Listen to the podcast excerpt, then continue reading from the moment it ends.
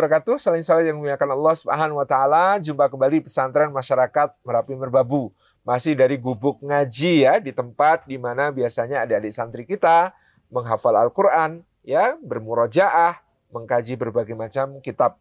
Semuanya di lingkungan yang asri di lereng Gunung Merapi dan Merbabu yang insya Allah santri-santrinya akan kita sebar ke pelosok Indonesia untuk membawa cahaya Islam dengan bekal kemandirian, dengan bekal kerelawanan, dengan bekal Al-Quran, dengan bekal untuk insya Allah senantiasa mampu menjadi penggerak di tengah masyarakat. Bersama kita hadir tamu yang sangat spesial, Bapak Muhammad Rasul Nawawi, seorang yang kemudian telah ya memberikan banyak sumbangsih kebaikan untuk uh, rekan-rekan pesantren di mana pun dengan tagline pesantren tanpa jemuran gitu ya Pak. Pesantren bebas jemuran. Pak. Oh, pesantren bebas jemuran gitu ya. Iya. Jadi kenapa kok pesantren bebas jemuran? Ini salah satu yang memang biasanya kalau teman-teman datang ke pesantren yang paling mengganggu pemandangan itu jemurannya ya, Pak iya, ya. Betul. Jadi ini ceritanya gimana Pak? Dulu ada ide pesantren bebas jemuran. Jadi saya melihat pesantren itu kan eh, kesannya itu jorok Pak Ustadz. Jorok. Jemurannya nggak rapi, ya. nggak rapi dan eh, kesannya kumuh lah Pak Ustadz. Uh, uh, okay. uh, itu eh, ketika saya bergerak di usaha laundry. Oh memang ini beliau ini salah satu apa julukannya laundryman. Tukang cuci Pak Ustadz. Masya Allah luar biasa. Tukang cuci. Okay. Jadi saya ingin menghilangkan stigma tersebut. Stigma pesantren kumuh, kotor, dan jorok. Nggak rapi, nggak jorok. Ya. Dengan pesantren itu ada laundry, semua baju santri itu dicuci dengan standar uh, laundry profesional. Betul. Uh, mana yang punya santriwati, mana yang punya santri, semuanya dicuci dengan pelakuan khusus dengan satu mesin satu santri. Satu mesin satu santri. Betul. Wow. Jadi okay. uh, masing-masing santri tidak dicampur bajunya Pak Ustadz. Betul. Terus juga uh, privasinya santri juga lebih terjaga Pak Ustadz. Hmm. Langsung kering itu ya Pak, yang nggak perlu dijemur gitu? Nggak perlu dijemur, jadi mesinnya adalah mesin cuci dengan RPM tinggi, kemudian dimasukin ke mesin pengering, mesin uh -uh. dryer namanya. Mesin dryer. Uh -uh. Yang memerlukan waktu cucinya 30 menit, pengeringannya 45 menit. Oke. Okay. Jadi mau hujan dari pagi sampai malam pun, seperti ini di daerah Merapi Merbabu ini suhunya sejuk, itu tetap tidak ada masalah. Tidak ada masalah. Semua Jadi tidak tergantung 100%. cuaca. Betul sekali. Iya, kadang-kadang santri udah nyuci, jemur karena cuaca tidak menentu ya berhari-hari akhirnya bau apak juga gitu. Betul. itu kan ketika bau apak mengganggu kehusuan, Betul. mengganggu mereka kesehatan, secara kegiatan segala macam. Mengganggu temennya yang lain. Temen yang lain, baunya Betul. kok sriwing-sriwing gimana gitu kan. Tapi dengan laundry semuanya jadi higienis. Karena pakaian juga langsung kering, ya. langsung nggak ada kumannya karena dipanaskan dengan suhu di atas 70 derajat, di mana kuman mati. atau virus mati di sana. Betul. Kemudian didesinfektan dengan perfume yang sudah di uh, setting sedemikian rupa jadi bahan desinfektan untuk baju-baju santri. Dan wangi. Wangi, Bagus, Masya Allah. Wangi, Ini ceritanya gimana dulu terjun ke bisnis laundry sampai kemudian amal solehnya dibilang laundry juga jadi luar biasa di pesantren-pesantren ini, Pak. Awal-awal ceritanya gimana tentang bisnis laundry ini? Jadi saya itu mengawali laundry di 2009 Pak Ustadz. 2009, sudah Dengan 12 tahun berarti 12 ya, tahun. Jadi insya Allah kalau masalah laundry saya hatam dari hulu sampai hilir ya? Menghilangkan noda sampai ke manajemennya insya iya, Allah. Iya, iya, iya, luar biasa. Nah, jadi saya pertama buka laundry itu di rumah dinas saya di Kompleks Marinir Cilanda. Oh, jadi beliau ini seorang marinir, seorang yeah. anggota uh, eh, TNI gitu yeah, ya? Iya, betul. Waktu waktu itu kenapa kepikiran kalau sudah ya orang biasanya karir sebagai tentara itu kan menyita waktu, karir sebagai tentara itu kan berbakti untuk negara gitu. Tapi masih sempat untuk berbisnis itu ceritanya? Karena waktu itu saya kepengen punya kerjaan di luar tentara mm -hmm. tanpa mengganggu dinas saya di marinir, mm -hmm. tanpa melanggar hukum yeah. dan halal Pak Ustadz. Masya Allah. Tuh, arahnya awalnya dari sana. G, G, G. Makanya dengan modal 600 ribu pun saya memberanikan diri membuka laundry di garasi kosong rumah saya dinas. Di garasi? Garasi. Luar Garasinya nggak ada mobilnya Pak Ustadz. Iya. garasi kosong makanya. Garasi kosong.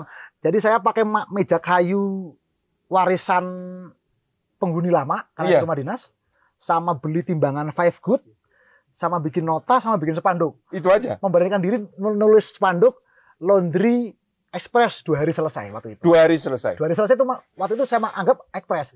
Yang sekarang saya bikin udah uh, satu jam selesai.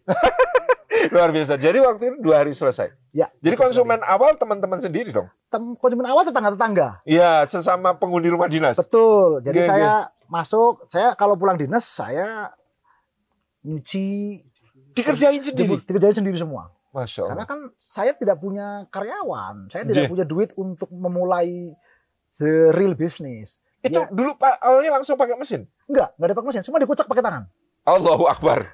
Bayangkan teman-teman ya, memulainya dikucek pakai tangan, pakai ember, manual, manual pakai ember. ember. Digantungin semua pakai hanger-hanger itu Pak Ustaz. Digantung, gantung, gantung. Gantungin. Terus sampai suatu saat jemurannya rubuh.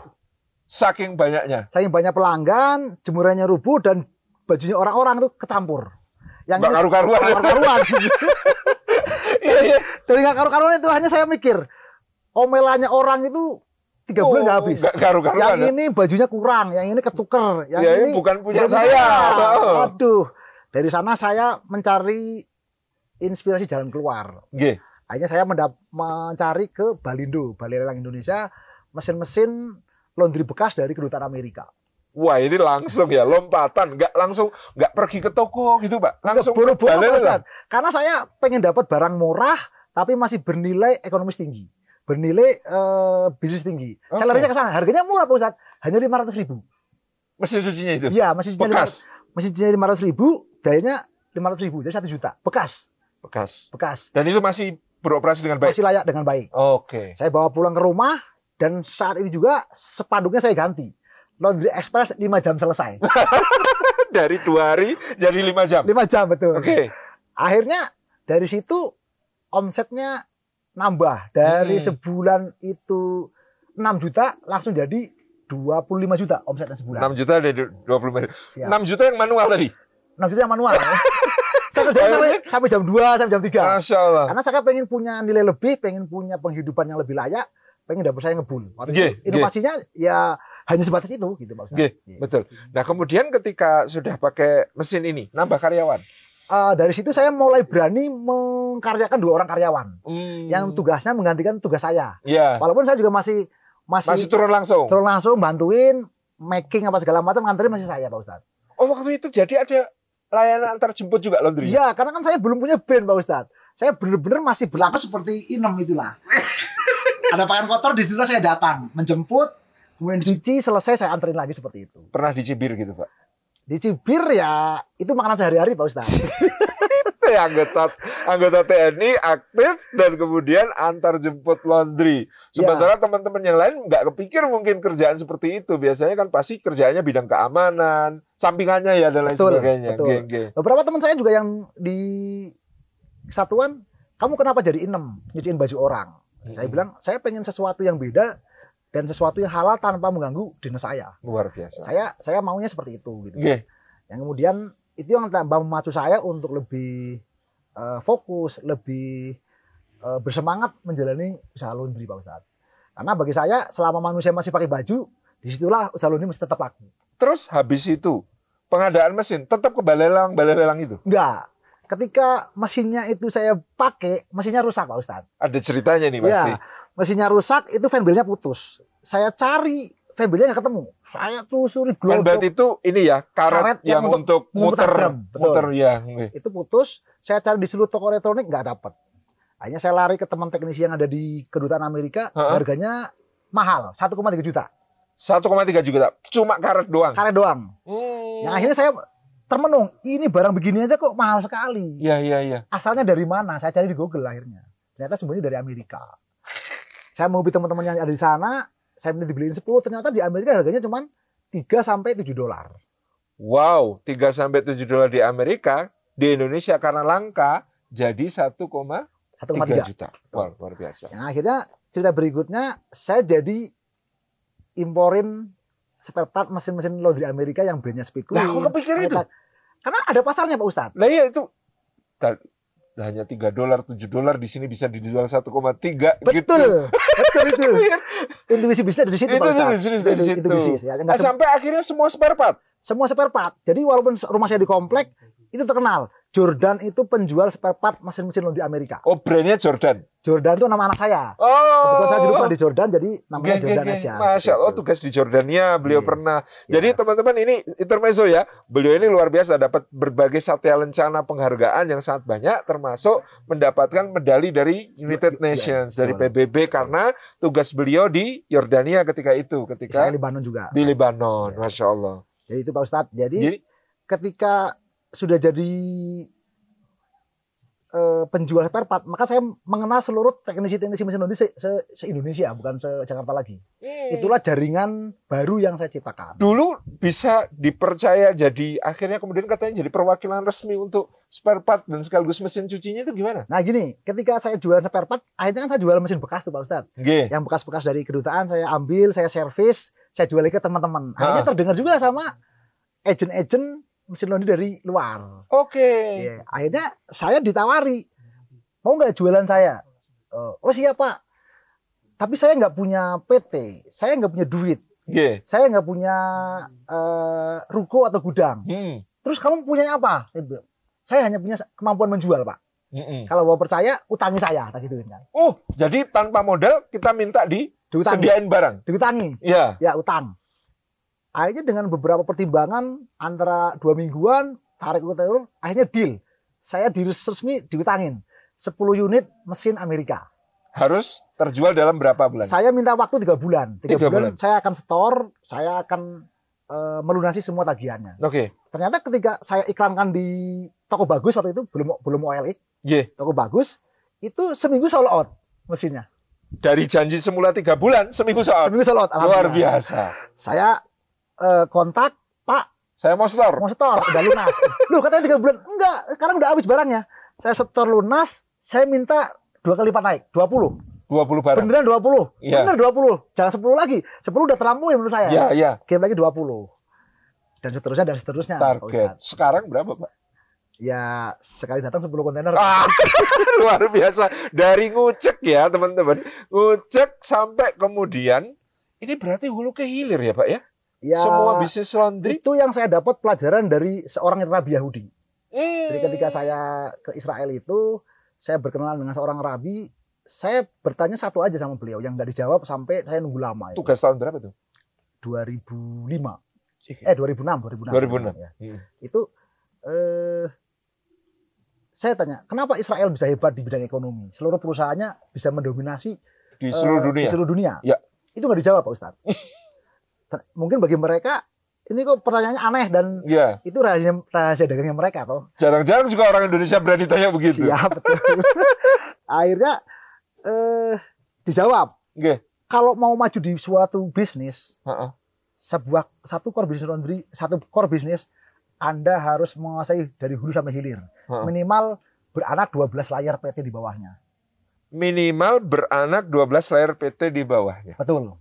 Jadi untuk men- me- me- membuka satu bisnis yang kemudian dari situ menelurkan 12 bisnis lain yang kemudian saling support satu sama Betul lain. sekali. Duitnya muter-muter di situ. Betul sekali Pak. Iya luar biasa itu teorinya begitu. Tapi saya nggak membayangkan teori yang begitu. Kalau saya ya begitu kompleks itu disederhanakan dimulai dari ngucek dari kemudian sampai kan berarti kalau sudah ngucek tahu dong serba-serbi tentang sabun.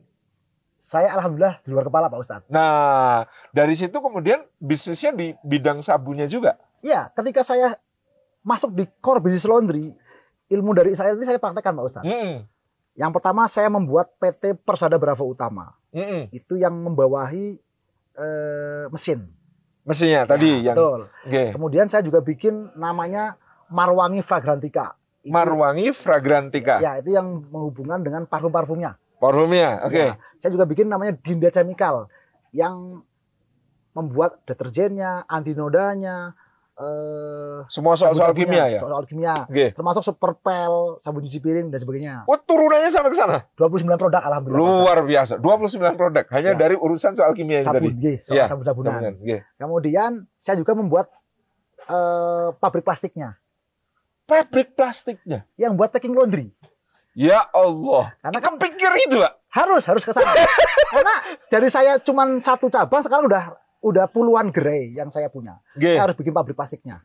Untuk supply aman ya untuk Aman. plastik ini. Saya dapat harga murah dari itu dan dari perusahaan sendiri nggak ada lagi yang bisa ngekat bisnis saya.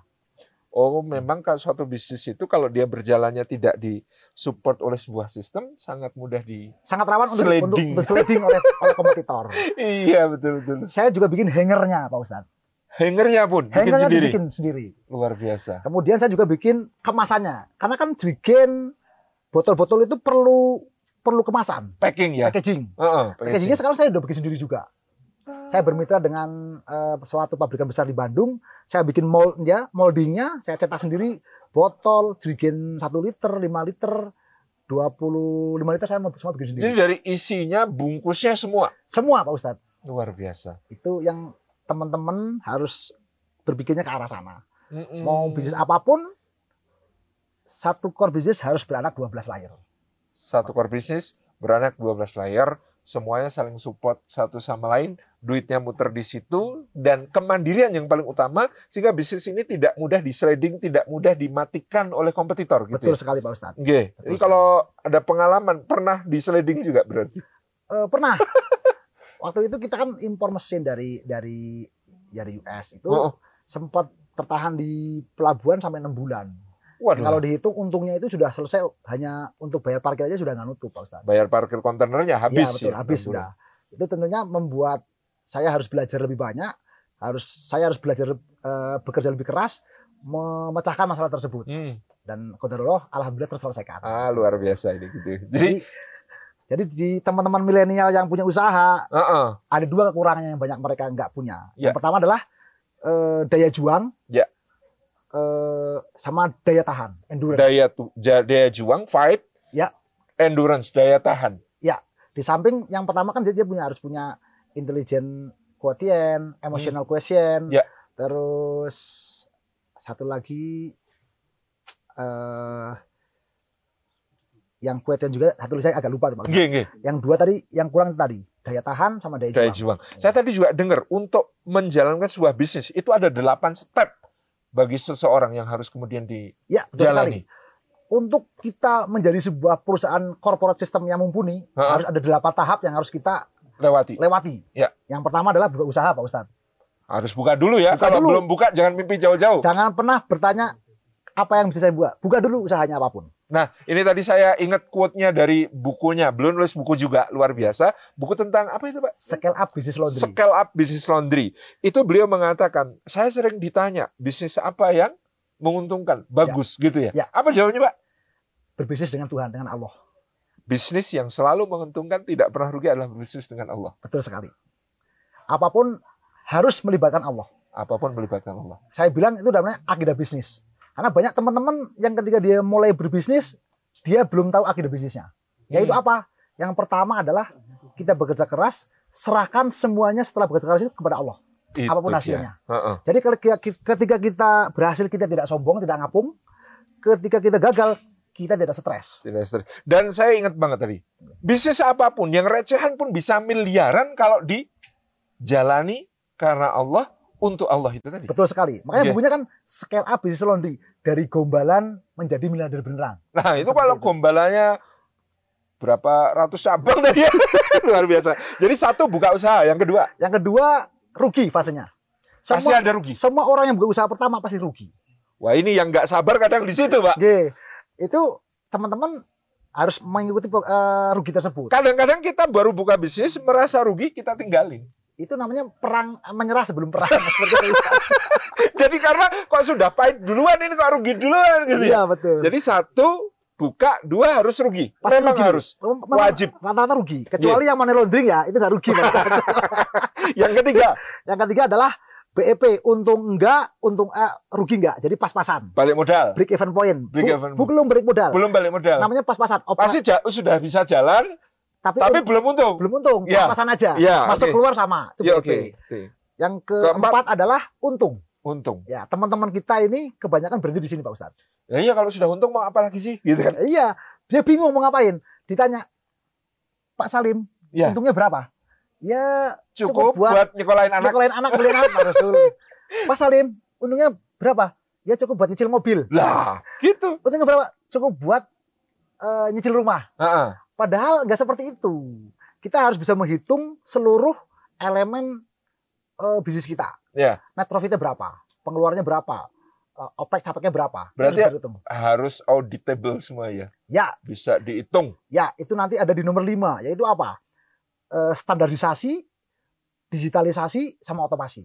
Wah ini sudah nomor kelima ya beratnya luar biasa makanya dari fase untung naik ke fase yang kelima ini agak berat nih kayaknya Sangat berat. Kebanyakan Oke. pengusaha kita gagal di situ. nyerahnya di situ ya. Hanya di situ di nomor 5. Jadi standarisasi. Ya. Maksudnya apa standarisasi? Jadi itu? semua toko atau bisnis yang kita lakukan, barang-barangnya, karyawannya, sistemnya tuh harus standar. terstandar. Terstandarisasi, Hmm. terstandarisasi eh, bisa di copy paste dengan gampang. Oke bisa di copy paste dengan gampang. Betul. Jadi bikin cabang baru nggak susah Nggak susah. karena sudah ada standar. Sudah ada standarnya dari Oke. awal. Yang kedua adalah digitalisasi. Nah ini standar ini sebelum ke digitalisasi. Standar ini kan ada yang fisik, non fisik. Naik fisik gampang, sendoke podo, piringnya podo, mejanya podo, kursinya podo. Eh standarisasi layanan. Layanan juga wajib sama. Wah itu yang berat itu. Itu harus harus di-create. Manusianya harus seperti ini. Makanya Iya. harus di training. Ramahnya harus seperti Ramahnya, ini. greetingnya, Iya. semua harus seperti itu. Luar biasa. boleh nggak. Itu Nah. adalah tahapan daripada standarisasi. Yuk, standarisasi, eh, digitalisasi tadi. Digitalisasi adalah seluruh bisnis kita itu harus tercatat secara digital. Sekarang nggak bisa nggak ya? Semua harus digital. Jadi saya hari ini saya bisa monitor seluruh cabang laundry saya di mana pun dan kapan pun yang penting ada sinyal, Oke. ada internet. Cabang Nyambung. ini dapat berapa ribu, komplainnya Sudah berapa, ada sistem, kiloannya berapa, sudah ada betul. sistem informasinya, softwarenya, betul, semuanya. up to date eh, secara detik, secara jam.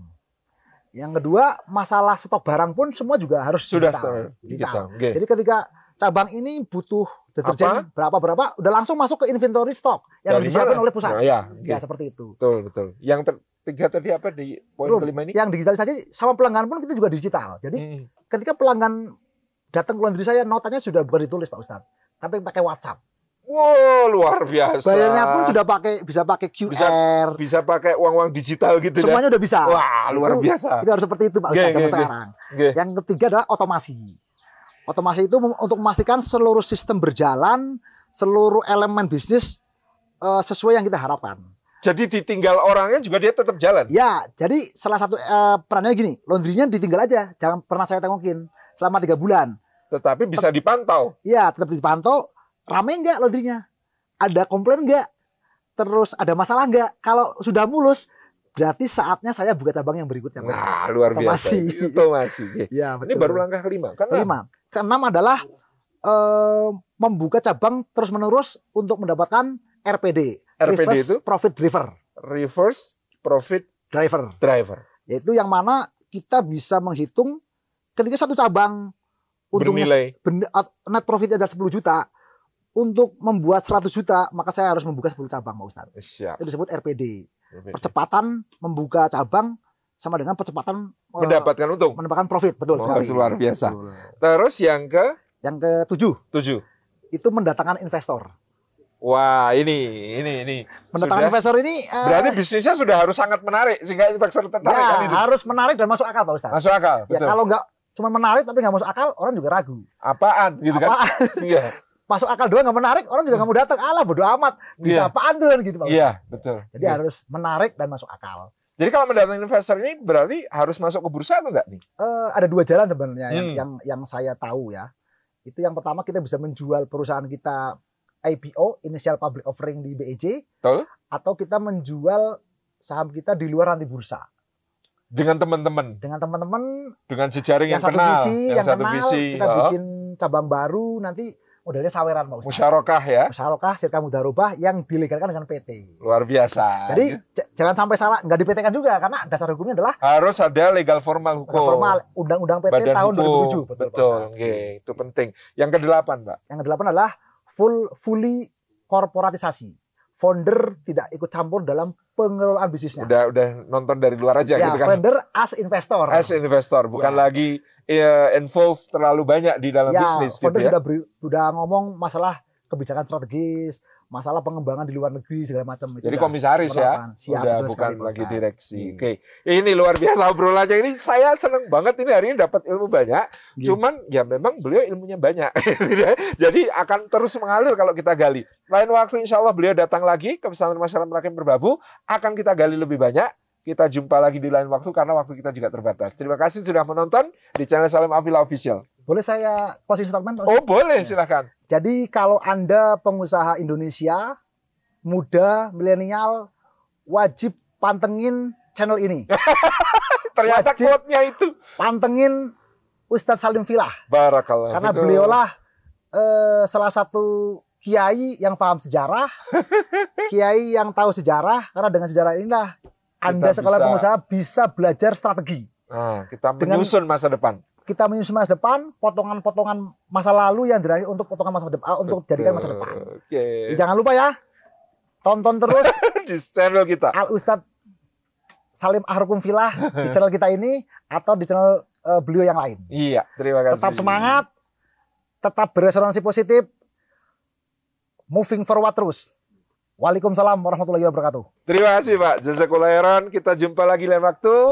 Eh, salam kepada semua teman-teman di rumah. Selamat berbisnis. Jangan lupa daya juang dan daya tahan. Terima kasih. Terima kasih.